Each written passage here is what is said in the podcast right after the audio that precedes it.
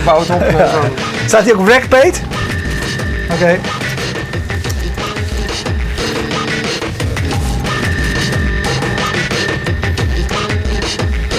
Ja, Frank Meus is inmiddels eh, vooral.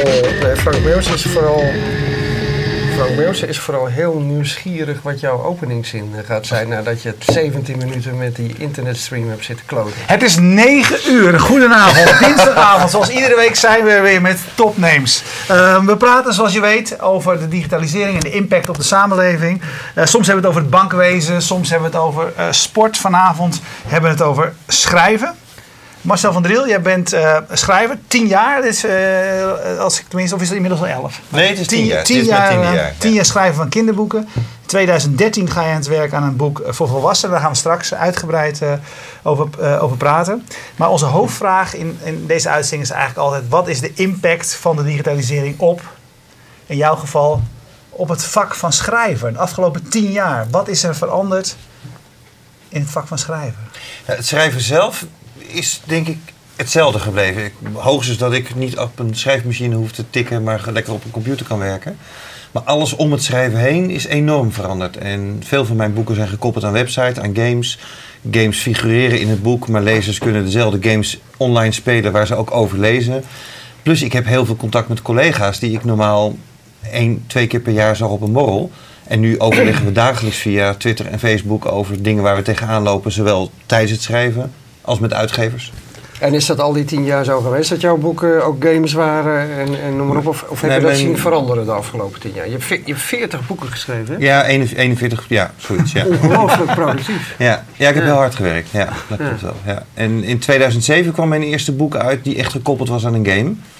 Daarvoor experimenteerde ik wel wat, maar dan waren het vooral een site erbij met wat informatie. Maar dat ik, dat ik het echt aan elkaar begon te koppelen, dat, daar ben ik mee begonnen in 2007. En, en waarom? Het, het, het kon, maar eh, zag je onmiddellijk de toegevoegde waarde? Nou, eigenlijk de basis is gewoon, ik ben een gamer. En ik ben een lezer en ik ben een schrijver. Dus ik, ik game de hele dag door. De trein hier naartoe zit ik op een iPad te gamen. Dus automatisch begin ik dingen te verbinden aan elkaar die ik doe. Dat is volgens mij wat je als schrijver altijd doet. En de inspiratie komt wat dat betreft overal vandaan. En, eh, Dus- maar, maar goed, eh, eh, gamen en een game ontwikkelen en eh, gamen en een game weer onderdeel maken van een boek is natuurlijk nog wel eventjes wat anders. Ja, hoe maar ik hoe ben heb je dat in begonnen met godsnaam games. voor elkaar gekregen? Nou, ik ben begonnen met games toen ik 17 was. Te maken ik- ook? Ja, toen ik 17 was heb ik een game gemaakt dat in 30 landen eh, in de wereld is verschenen. Op, hou je vast, tape. Ja, Dit is voor de disketten. Ja. ja. En dus ik ben, altijd, ik ben eigenlijk begonnen als gamemaker. En dan maakte ik de graphics en de hele gameplay. Iemand anders maakte de, het programma. In 6502 machinetaal rechtstreeks op de chip gecodeerd. Dat verkochten wij aan een Engels bedrijf. Die eh, een, bracht echt het... een eh, nerd aan tafel. Ja, dat is wel een van oude spullen dan geek. dus daar is het eigenlijk altijd mee begonnen. En daarna dacht ik, ik word filmmaker. Dat bleek toch wel heel erg eh, duur te zijn. Ik maakte wat korte filmpjes, maar ik vond het veel te veel gedoe. Toen ben ik boeken gaan maken en uiteindelijk kwam eigenlijk alles samen. En nu combineer ik film met boeken, met games. Ja, en, en voor jou is dat logisch, maar ik denk dat je de afgelopen tien jaar ook wel hebt gezien dat veel van je collega's eh, worstelen met die combinatie van Ja, eh, platformen. Hè? Van, Ja. hoe, hoe ga jij daarmee om? Eh, help je mensen? Adviseer je mensen? Sowieso. Ik vind ook, dat vind ik het mooie aan, aan de social media. Dus ik ben heel bereikbaar. Dus ik heb bijvoorbeeld vanmiddag, nu ben ik met een crowdfunding project bezig, waar we het straks over gaan hebben. Maar ik heb vanmiddag via Skype Dat met bepalen wij trouwens, ja, dit hoorde ik net dat we het daar zo dadelijk over gingen hebben. Wij voor de rest maken geen afspraken. Dus Nee, ik heb hem niet helemaal in de hand. Oh, gelukkig, gelukkig. Nee, ik heb vanmiddag met een journalist in Turkije gesproken via Skype. Die met een crowdfunding project gaat starten voor een boek over de Koerdische kwestie. Ja, daar heb ik een half uur mee eh, aan, aan verteld over hoe- wat voor dingen ze zou kunnen doen met de ervaring die ik inmiddels heb opgedaan. Ik vind dat een van de mooie dingen van deze tijd. Ja, kun je mij nog even op dat game, hè? kun je Ja. eens uitleggen hoe jij een game dan aan een boek koppelt? Gewoon heel praktisch. Heel praktisch. Nou, ik heb een- een boek, superhelden.nl. Ja. Dat gaat over kinderen die een game spelen online. Ja. Als je die uitspeelt, ben je ergens heel erg goed in. Word je ontvoerd naar een eiland door de slechterik van het boek, Mr. Oz. En die leidt je op tot superspion. En die game is eigenlijk een soort test om te kijken van jij bent daar goed en jij bent daar goed in. En hij pikt zo de beste eruit. Die game die staat ook online en de lezers kunnen exact diezelfde game ook spelen online, zoals de kinderen het in het boek ook spelen. Waarbij ik dan natuurlijk de suggestie werk van, nou ja, als je het uitspeelt, dan weet ik niet wat er met je gebeurt. En dat werkt. Ja, want je ziet ook dat dat leidt tot, tot, tot veel gebruik en, Ja. eh, en, Ja. en, eh, En wat heel bijzonder crossovers is, van het crossovers, eh, wat je ziet is je hebt een deel die beginnen met het boek en gaan naar de game. Een deel beginnen met de game gaan naar het boek. Sommigen lezen alleen het boek, sommigen spelen alleen de game. Maar ik krijg dus heel veel mailtjes van ouders en van leerkrachten die zeggen... mijn kind, en dat is dan bijna altijd mijn zoon... leest niet of kan niet lezen of is dyslectisch of houdt niet van lezen. Maar hij is aan de game begonnen, hij leest nu het boek. Wanneer komt deel 2? Oké. En het leuke is, dat hebben we nooit zo bedacht van... oh, zo kunnen we die doelgroep bereiken. Maar het werkt dus wel zo. Maar is het daarmee een, een soort format voor jou geworden? Of kijk je per titel weer wat je, wat je ermee doet? Zit er altijd een game bij? Of kan het Nee, ook gewoon alleen laatste. maar een boek zijn? Dat kan ook alleen maar een boek zijn. Ik heb ook prentenboeken voor de kleintjes. Daar zit weer een app bij. Dat werkt daar veel beter bij. Nu ga ik een volwassenenroman schrijven. Daar zal ik niet zo snel een game mee maken. Maar we gaan zeker wel online wat doen. En je zei alles is veranderd, hè? of tenminste schrijven misschien zelf niet, maar alles eromheen is veranderd. Eh, dan gaat het doorgaans eh, ook over uitgevers. Ja. Eh, hoe, hoe, hoe is jouw relatie tot uitgevers en, en uitgevers in de relatie tot de wereld veranderd? Het grappige is dat ik er toevallig vanmiddag een blog over geschreven. Hoe blij ik ben met mijn uitgever. Ik heb tot een jaar geleden gedacht. Ik begin mijn eigen uitgeverij. Maar dit, de motivatie daarvan was frustratie. Uitgevers die niet deden wat ik wilde. Die Mhm. boeken te laat uitbrachten omdat ze meer met de logistiek bezig waren dan met het boek. En ik zit nu bij een uitgever die zoveel meerwaarde levert aan mijn boek. Ik ben zo'n betere schrijver geworden doordat ik bij die uitgever zit. Ik dacht, maar ik wil helemaal geen uitgevertje spelen.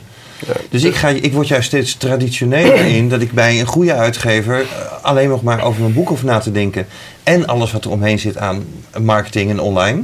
Maar het hele drukproces en de redactie en zo, daar heb ik, werk ik nu met hele goede mensen. Ja, Jij, jij zit bij De Fontein. Ja. Eh, zijn alle uitgevers goed bezig? Nee. Meerderheid, minderheid? Eh, is het een probleem? Laat ik het zo vragen. Er is sowieso een probleem. Er gaan een aantal uitgevers, nou, er zijn natuurlijk heel veel uitgevers in de, proble in de problemen aan het komen. Er gaan ook uitgevers failliet. En terecht, want ze zitten vaak veel te duur. Mhm. In, eh, als, ik weet niet of je wel eens in zo'n pand in Amsterdam komt waar zo'n eh, uitgever zit, maar dan begrijp ik waarom ik maar 10% krijg eh, aan royalties. En dat begrijp ik niet, want uiteindelijk zijn wij het kapitaal van de uitgeverij. En er wordt toch nog te vaak gekeken van, nou, als we jou niet uitgeven, geven we iemand anders uit. Dat werkt bij de middenmoot waarin iedereen inwisselbaar is, maar daarboven wordt toch echt een probleem.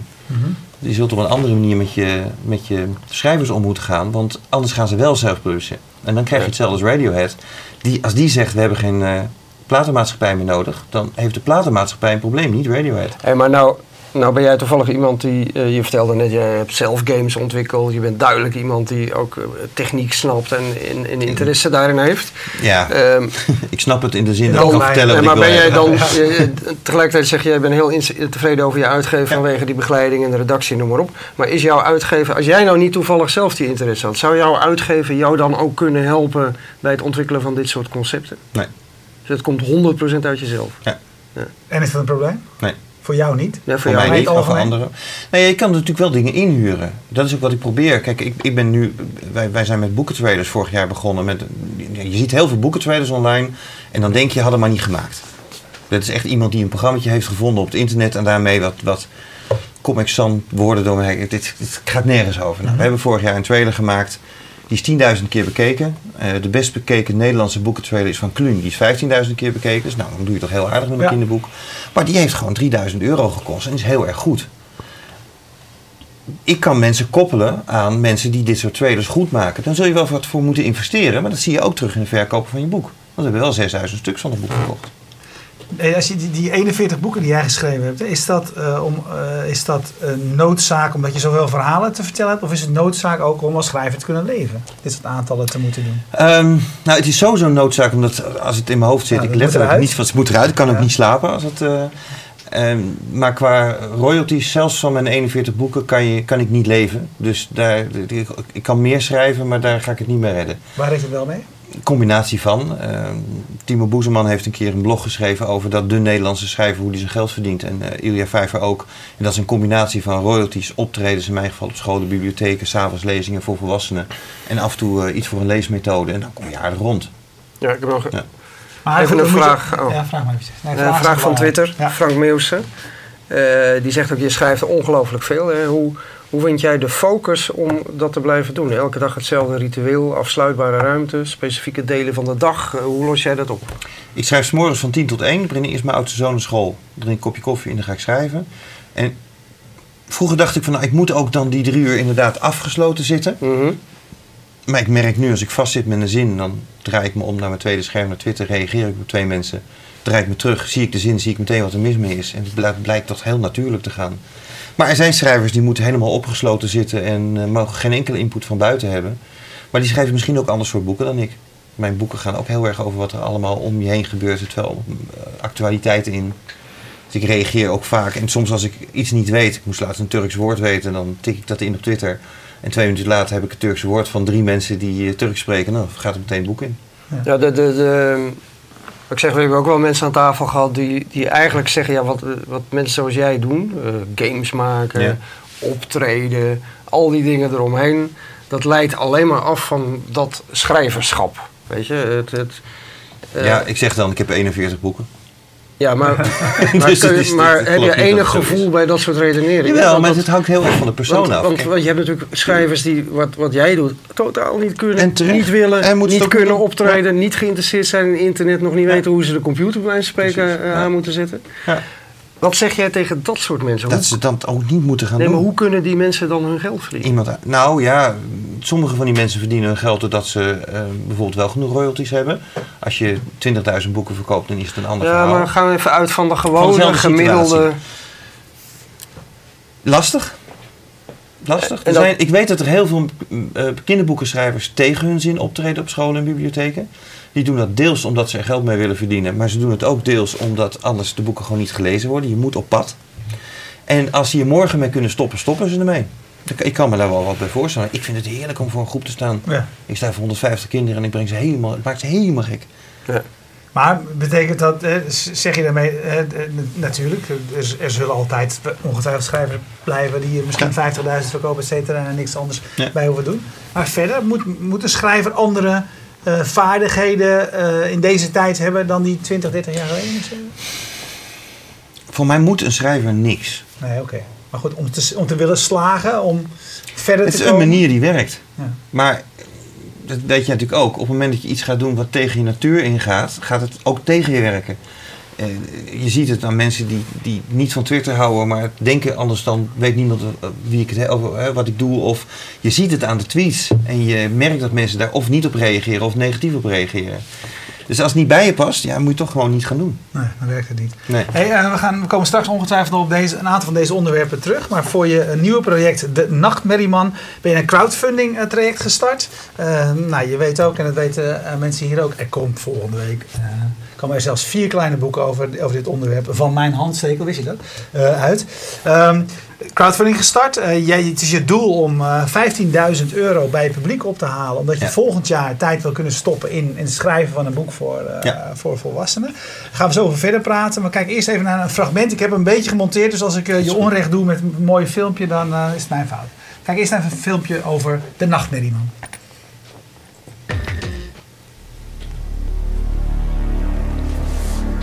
Nee, maar dat wist ik helemaal niet, joh.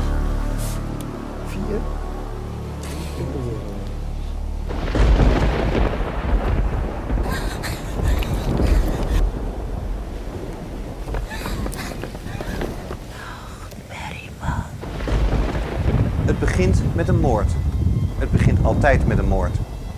Het lijkt heel simpel. De dader had het bloed van het slachtoffer nog aan zijn handen en hij had een relatie met haar. Dat hij zich niets van zijn daad kan herinneren, wijt de politie aan shock. Maar dan wordt er een tweede moord gepleegd. En een derde. En de daders herinneren zich helemaal niets. Behalve de nachtmerries.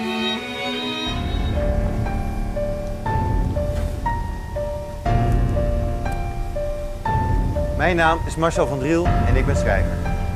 Nachtmerrieman is urban fantasy geschreven als een crime novel.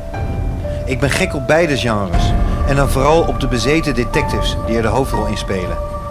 En ik hou van sterke vrouwen. Tien jaar geleden werd ik gevraagd of ik het verhaal wilde verzinnen voor een speelfilm. Alleen toen ik het verhaal af had, ging de film niet door. Ik heb mijn huis verkocht, ik heb mijn baan opgezegd, ben naar Rotterdam verhuisd. Daar heb ik een heel goedkoop appartement uitgezocht waar ik een jaar lang fulltime aan dat boek heb gewerkt. Na een jaar heb ik het ingeleverd bij een uitgever. Na drie maanden kreeg ik het terug, vol rode strepen en een afwijzingsbrief. En er was eigenlijk een moment waarop ik me realiseerde dat als ik echt schrijver wilde worden, dat ik eerst heel veel moest leren. Ik ben nu tien jaar verder. Ik heb meer dan 40 boeken op mijn naam staan. Worden ook gelezen. Eh, ze worden vertaald. Dit jaar komen ze uit China en Thailand. En voor het eerst in die tien jaar voel ik weer diezelfde urgentie die ik toen ook had. Ik heb weer zo'n verhaal wat er, wat er uit moet. En deze keer maak ik een nieuwe stap. En dat is een boek schrijven voor volwassenen. En dat boek dat heet Nachtmerrieman. Wat ik absoluut ga doen, is het aller, allerbeste boek schrijven dat ik in me heb. Voor mij, voor jou en voor haar.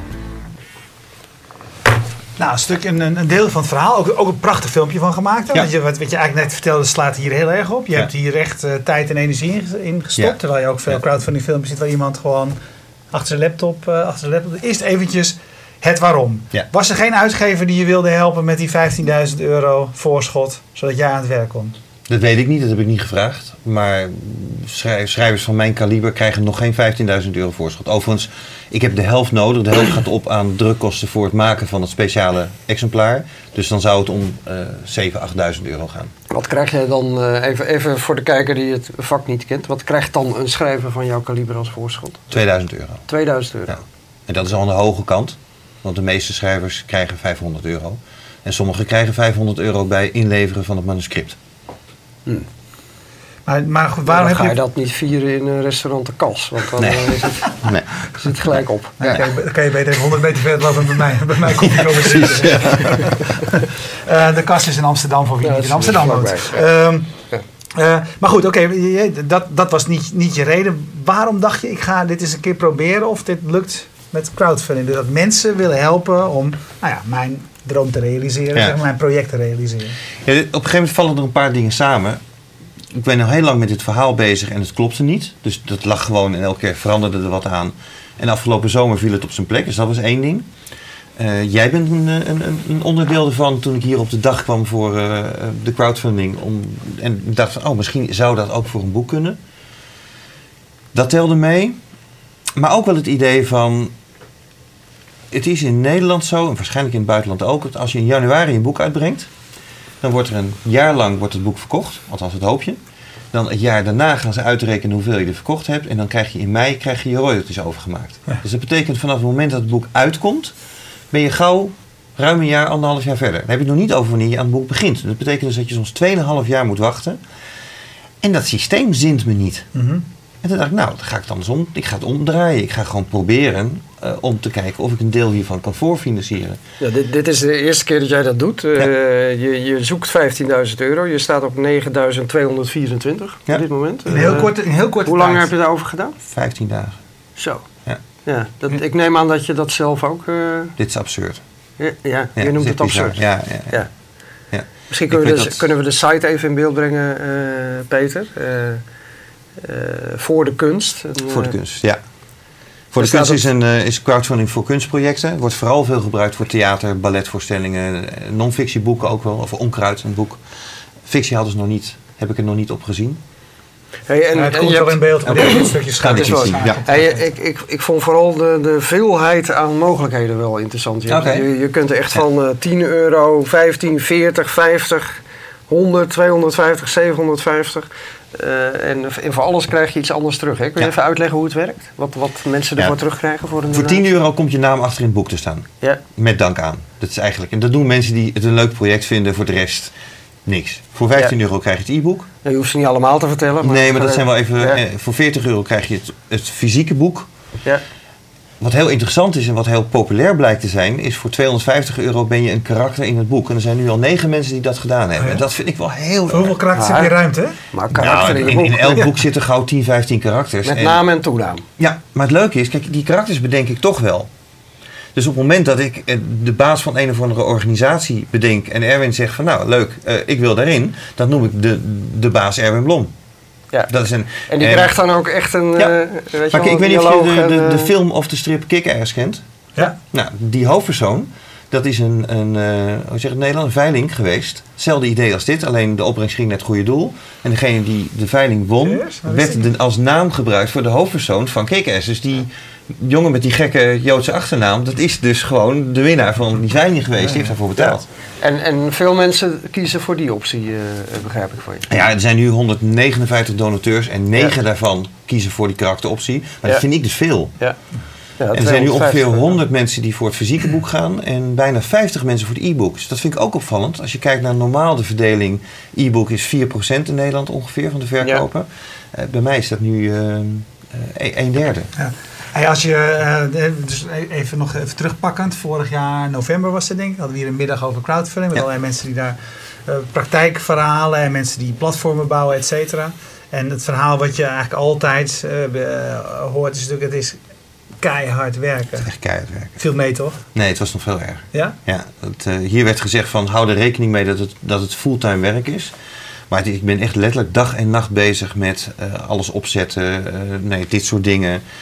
Tussendoor twitteren, dan belt er iemand van de krant. Eh, op het moment dat je denkt, ik zie het naar beneden zakken, wat moet ik dan weer bedenken? Oh, wat, ik heb dat we- netwerk nog niet aangesproken. Dus daar moet een mail naartoe. Maar je stuurt niet zomaar een mail, daar moet over nagedacht worden. Maar ook de voorbereiding, drie weken voorbereiding, het script schrijven voor het filmpje. Koen Lering die, eh, die de beelden heeft gemaakt, eh, daar, daar ga je mee sparren van hoe gaat het filmpje eruit zien? Kunnen we een scène uit het boek verfilmen? Absurd. Je verfilmt een scène uit een boek wat nog helemaal niet bestaat. En er moet over nagedacht worden. Eh, dat lijk wat op de grond ligt, dat hebben we gevonden via Twitter. Hoe vind je een like op de grond via Twitter? Via Twitter, nou gewoon door te twitteren, we hebben een lijk nodig en dan beschrijven aan welke voorwaarden het lijk moet voldoen. En dan reageerden er een aantal dames en eh, op een gegeven moment is er één iemand die qua uiterlijk voldoet aan wat ik in mijn hoofd heb zitten, die die dag kan. En die er geen moeite mee heeft om eh, drie uur in, in een plas bloed op straat te liggen, helemaal onder het bloed en dat nog leuk vindt ook. Ja. Ja. Maar oké, je, je, eh, dus je weet nu, het is nog harder werken dan gedacht. Ja. Je ziet nu ook, het gaat eigenlijk hartstikke goed, hè? dus dat is, dat is mooi. Maar als je nu al een soort een, een, een, tussen, een tussenevaluatie moet maken. Ik ben bezig met een blog en dat gaat heten Crowdfunding kan iedereen afraden. Waarmee ik eigenlijk wil zeggen dat als je dit gaat doen, moet je het echt vooral doen. Maar besef wat je je op de hals haalt. Want er zit een bepaalde ironie in dat ik dit project start om vijf maanden aan één stuk door te kunnen schrijven. En ik al zes weken niet heb kunnen schrijven omdat ik alleen met het project bezig ben. Ja. Daar, zit, daar zit ook een bepaalde ironie in, maar daar kan ik dan ook wel weer om lachen. Ja, nou ben jij toevallig ook, eh, en het is misschien een beetje vergelijkbaar met wat ik net aan je vroeg hoor. Van, jij bent iemand eh, met al veel volgers op Twitter, met, Ja. met netwerken in de nieuwe media, met ervaring op dit gebied. Jij kent mensen die een filmpje kunnen maken. Ja. Is dit ook een optie voor de, de meer klassieke schrijver die vooral kan schrijven en dat allemaal verder niet doet? Ik denk dat, die, dat het lastig wordt als je niet iemand naast je hebt die, dit, die een deel van dit voor je over gaat pakken. En natuurlijk kan je het leren en erachter komen hoe het werkt. En eh, straks hebben ze natuurlijk allemaal jouw boek gelezen en dan wordt het allemaal veel en veel makkelijker. Maar Ja, jij mocht er niet- vertellen over dat boek. ik, Nou, even, heel, even heel kort. ik weet van niks. Jij weet van niks. 23 oktober komt het papieren boek. Volgende week komen er vier verschillende eh, e-pubs. De ene zoomt in op kunst en cultuur, dus de cases zijn verschillend. Zeg maar. Dus een, klein, een kleinere... Maar het gaat helemaal over crowdfunding. Ja, helemaal over crowdfunding. Ja. Ze denken allemaal dat ik het best weet en dat we reclame... Ja, maar dat is ook niet. Spreken elkaar alleen maar hier. Ja, sorry. Nee, het, het lijkt inderdaad een leuk opzetje, maar sorry, hij weet het echt niet, mensen. komen we later nog, eh, komen we later, straks anders tussendoor nog eventjes, eh, Oké, ja. even- eventjes op terug. Nee, maar het is, het is, ik vind het zelf ook een fascinerend ding. Vandaag bijvoorbeeld werd er bekend. Het zijn andere grootheden. Amerika zijn ze allemaal een stapje verder en daar zijn de, de platforms groter. Dat ze bij Kickstarter bijvoorbeeld, zijn vaak games overigens die echt Ja. heel groot worden daar. Ja. Dat was het dertiende, het dertiende project wat meer dan een miljoen heeft opgehaald. Ja. En er was er weer eentje die in één dag ja, eh, dat zelfs voor elkaar Nou ja, heeft goed, mijn grote held Tim Schafer. hè, Die, die gezorgd heeft dat ik slapeloze nachten had omdat ik Full Throttle moest spelen over Day of the Tentacle. Die heeft, eh, hij wilde 4 ton hebben en hij kwam uit op 3 miljoen. Ja. En die kon echt de game maken die hij in zijn hoofd had zitten. Ja, Ja, daar kunnen wij alleen maar van dromen. Maar Ja. wat wel, en dat vind ik wat, het, wat dat project heel erg bewees. En dat is iets waar, waar ik dus hier ook eh, mee, eh, achter kwam. Tuurlijk, we hebben het steeds over de crowdfunding. NRC interviewt mij en het enige wat er overblijft in het artikel is het, het stukje over het geld. Ja. Maar het gaat over het boek. En dat krijg ik dus heel erg terug ook van de mensen die doneren. Want die mogen een, een tekstje achterlaten op de site. Is, ja, maar we willen heel erg graag dat boek lezen. En dat zijn vaak mensen die kinderen hebben die superhelden hebben gelezen. Omdat ze mij dan kennen, kennen van Twitter. Zijn ze het boek ook gaan lezen. En het is een boek wat, wat heel erg aanslaat bij volwassenen. Het wordt veel eh, vergeleken met de Hunger Games. Het heeft een beetje dezelfde eh, crossover.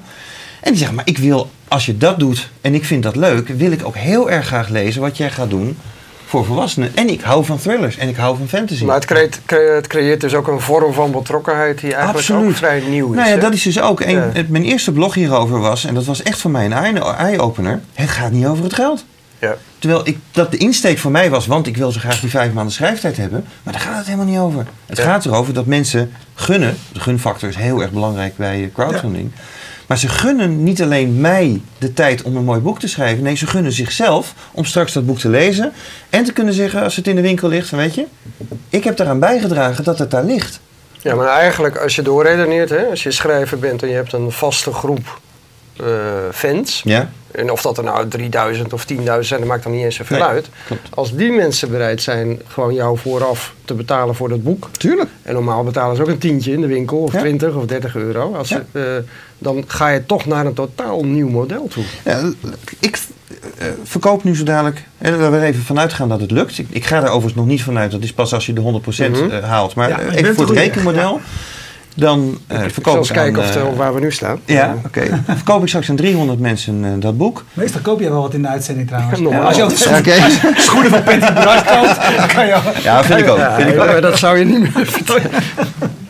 Overigens, als voor, je de, de- voor de kunst eh, URL is wat lastig. Als je naar nachtmerrieman.nl gaat, dan springt die automatisch door. Mhm. Maar als 300 mensen dat kopen, ik ben ongeveer 50% van die 15.000 euro aan kosten kwijt. Er zit een deel in voor het maken van het filmpje en, en de fee voor, voor de kunst. Maar, en de rest blijft over. Maar dat betekent dus een rendement van 50% in plaats van 10%. Ik verdien net zoveel aan die 300 boeken als ik normaal verdien als er 6000 via de boekhandel gaan. Dat is toch wel heel scheef. Daar hè? moeten uitgevers, uitgevers ook over na gaan Ja. denken. Want op het moment dat het.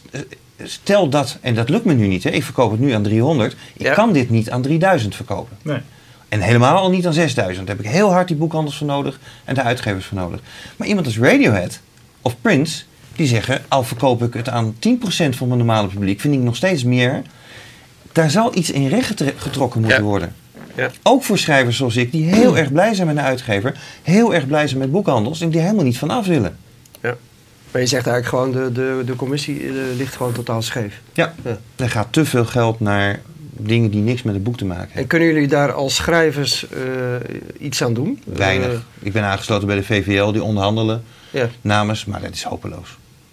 ja, maar wat, wat betekent dat dan? Want we, begonnen dit gesprek met te constate- constateren dat uitgevers het moeilijk hebben. Dat de uitgevers failliet gaan. Dat mensen zoals jij die ja, productief zijn en eigenlijk best succesvol zijn... andere wegen aan het zoeken zijn. Ja. Tekenen die eh, uitgevers hun doodvonnis? Mm, dat, dat zou kunnen op termijn. Er zitten erbij die natuurlijk ook gewoon altijd de juiste boeken inkopen, ook uit het buitenland. En die hou- houdt nog een hele tijd vol. Vergis je niet, er zijn heel veel uitgevers heel erg goed bezig. Eh AW Bruna is een voorbeeld van die, die de, de digitalisering omarmt en die daar van alles in uitprobeert. Daar mogen ook dingen misgaan, dat vind ik Mhm. ook fantastisch. Het is fantastisch als je iets uitprobeert, het gaat mis en je roept: hé, hey, dat is niet gelukt, we doen het anders. Maar er zijn uitgevers die, dat, die daar wel het lastig in gaan krijgen. Maar vergis je ook niet wat boekhandels. Ik, ben, ik, ben, ik vind boekhandels fantastisch. Ik, ik kan, je kan mij geen groter plezier bezorgen dan een middag in een boekhandel rondlopen. Ja. We hebben hier een hele goede vlak bij zitten overigens. De Linnaeus eh Ja, die is boekhandel. prachtig. Ja. Hey, vraag je, Frank Meus eh, eh, vraagt... waarom doen uitgevers de crowdfunding acties niet voor hun schrijvers? Eh, mijn vraag is meteen, zou dat werken? Of wer- werkt, het, werkt het als een ander het voor jou zou doen? Of werkt het alleen als jij het zelf doet? Nee, sowieso. Waarom doen ze het niet? Omdat de meeste mensen, misschien heel zwart-wit, maar ze hebben nog nooit van crowdfunding gehoord. Het is zo nieuw. Of ze hebben ervan gehoord, maar het zit niet in hun denkveld. En ik denk niet dat het gaat lukken op het moment dat iemand anders dan ik gaat zeggen van jongens, koop mijn boek, want dat is een mooi boek. Dan wordt het ook heel gauw weer een marketingtrucje. Dit gaat zo niet over marketing. Ja. Dit gaat zo over, jongens, ik ben een mooi boek aan het schrijven, doe je mee? Ja, een, een zekere Sidney Volmer die vraagt. oh, frek, die zit daar. Ja, de, de, onze volgende gast. Die, eh, die, die, die vraagt zich vooral af waarom krijgen eigenlijk de boekverkopers 40% Nou, dat is heel simpel. Ik kan dat gelukkig goed beantwoorden omdat ik eh, oorspronkelijk uit het winkelvak kom. Ik ben opgeleid tot supermarktmanager en ik heb een eigen winkel gehad. De huur en personeel, dat eh, slokt zo verschrikkelijk veel op. En al die boekhandels zitten op A-locaties en er worden belachelijke huren voor, eh, voor gevraagd. En dat, eh, je hebt je 40% zelfs hard nodig om... eh, vergis je overigens niet, die 40% krijg je alleen maar als je geen recht van retour hebt. Op het moment dat je dat wel hebt, is, ligt dat percentage een stuk lager. En er moet echt heel veel van betaald worden. Ja, wat eventjes, ik hè, want tenminste, ik herinner mij dat eh, je hebt inderdaad een, stel een boek kost 20 euro, dan betaalt de boekhandel 12 euro, meen ik. En uiteindelijk krijg jij daar dus dan 1,20 euro van. Dat is Ja, ongeveer de, Dat is ongeveer de verhouding. verhouding. Ja. En als je een kinderboek schrijft en er zit een illustrator in, dan kreeg de illustrator vroeger apart betaald.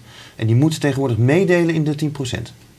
Oké. Daar zijn we ook heel blij mee met deze regeling. Ja, vooral als je kinderboeken maakt waar natuurlijk vaak ook een illustrator... Ja. eh, eh, Ja.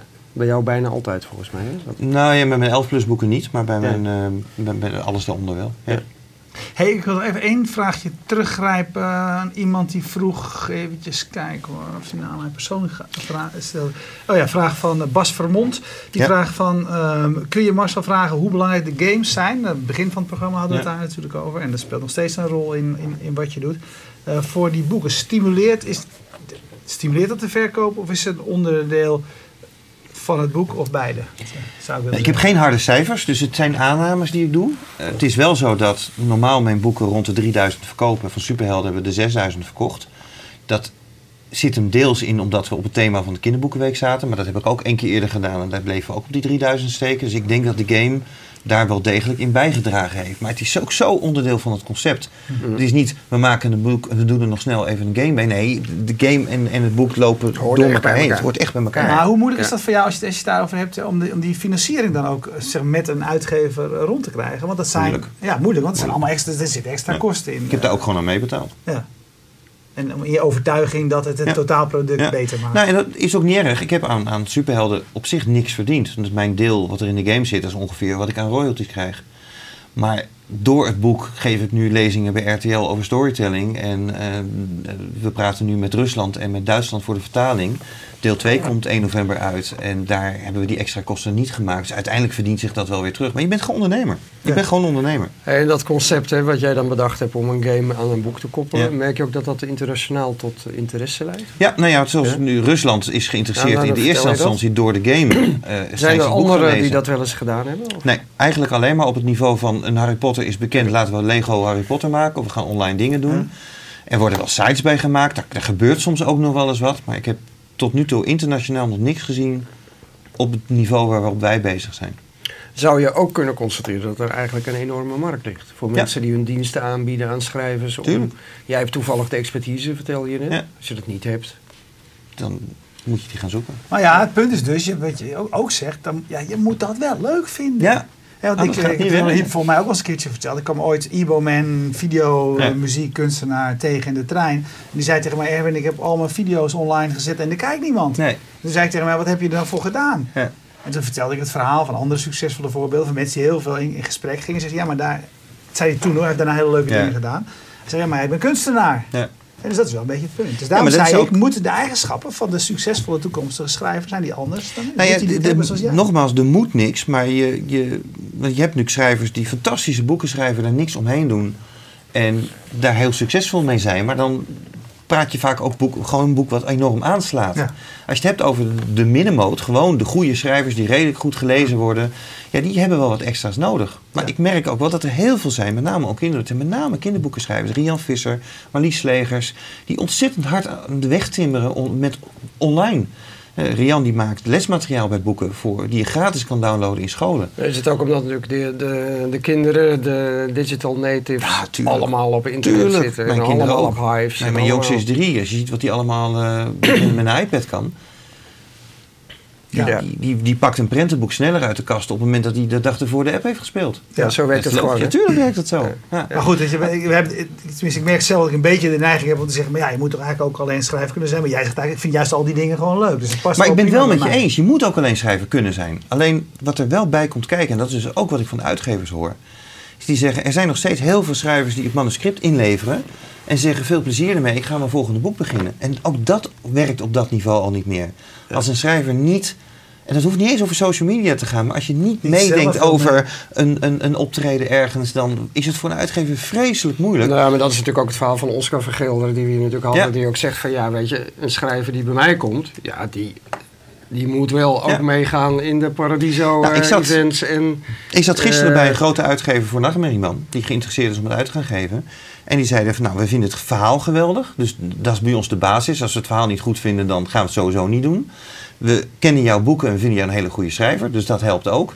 Maar het feit dat jij hier zit en de manier waarop jij je verhaal vertelt en hiermee bezig is, is voor ons absoluut extra om het boek uit te geven. Ja. Maar goed, het is wel, en dat is wel iets wat, wat, ehm, wat ik zelf nog wel eens vergeet, ook als ik hier eh, over, over het crowdfunding praat, is dat de basis nog steeds wel is dat ik het verhaal wil schrijven van een dame in Rotterdam die daar moorden op moet lossen. Dat, daar is het mee begonnen. Ja, maar En dat is nog steeds iets wat, zo dadelijk is, is dit project afgerond en dan heb ik hopelijk er geld binnen. En dan ga ik vijf maanden niks anders doen dan gewoon schrijver zijn. Ja. Dan zit Ja. ik achter mijn computer zinnetjes te tikken en te vertellen over hoe die moorden opgelost En ik worden. zie, goed, aan, ik hoor je ik- vertalen, ik jij zie bent- aan de glimlach op je gezicht dat je Ja. er ongelooflijk veel zin in hebt. ik kan niet wachten. Ik kan niet wachten. Om, om, om, omdat ik, sterker nog, ik wil ook weten hoe dat, hoe dat, dat die, die scène die wij net gezien Ja. hebben met dat lijk. Ik kom er straks pas achter waarom ze daar ligt. En ik kan als lezer bijna niet wachten om erachter te komen hoe dat gebeurt, gebeurd Ja, is. en Erwin Blom heeft een rolletje. Als die 250 euro stort, dan heeft hij absoluut een rolletje. Ja. altijd wel willen, hè? ja, ik heb het altijd wel willen hebben. Dus, Ja, eh, ik vind het een topverhaal. Ja, nee, prachtig verhaal. Maar jij bent, eh, dat Ja. hoor ik ook, hè. jij bent verhalen vertellen, hoor ik je vertellen. Want je vindt het op scholen mooi om te vertellen. Dit is eigenlijk een, dit is een verhaal, hè? Ja. het crowdfunding verhaal. Als het lukt is het een verhaal, als het mislukt is het ook een verhaal. een verhaal. En dus, dus dat is waarschijnlijk uiteindelijk, en schrijver is een weer een andere vorm van Ja, verhalen. nou ja, letterlijk, mijn vrouw zei letterlijk vorige week tegen mij: Je bent helemaal geen schrijver, je bent verhalenverteller. En schrijven van boeken is maar één klein stukje. Ze zegt de manier waarop jij twittert, ben je verhalenverteller. En dan denk ik, ja, misschien is dat wel waar. Ja. Hey, hartstikke bedankt, ontzettend leuk. Graag eh, gedaan. Ja. Jullie bedankt. om het, Nou, Ja. vooral jij. Ja, maar ik vind het leuk. ja, Ehm, nou ja, en eh, wij, eh, voor wie nu live kijkt, we gaan zo direct nog weer verder met eh, schrijven en eh, wat zijn de nieuwe mogelijkheden. Eh, kijk je on demand, dan weet je dat het archief van Fast Moving Targets vol staat met interessante gesprekken. Zowel over schrijvers, uitgevers als over allerlei andere mensen die dagelijks bezig zijn met de digitalisering in de samenleving. Vorig seizoen kwam er nu een heel rijtje van mensen die we gingen bedanken. Maar dit seizoen hebben we een aftiteling waar het allemaal in staat. Wij gaan zo direct hierdoor. Kijk je on demand. Dankjewel. Dag.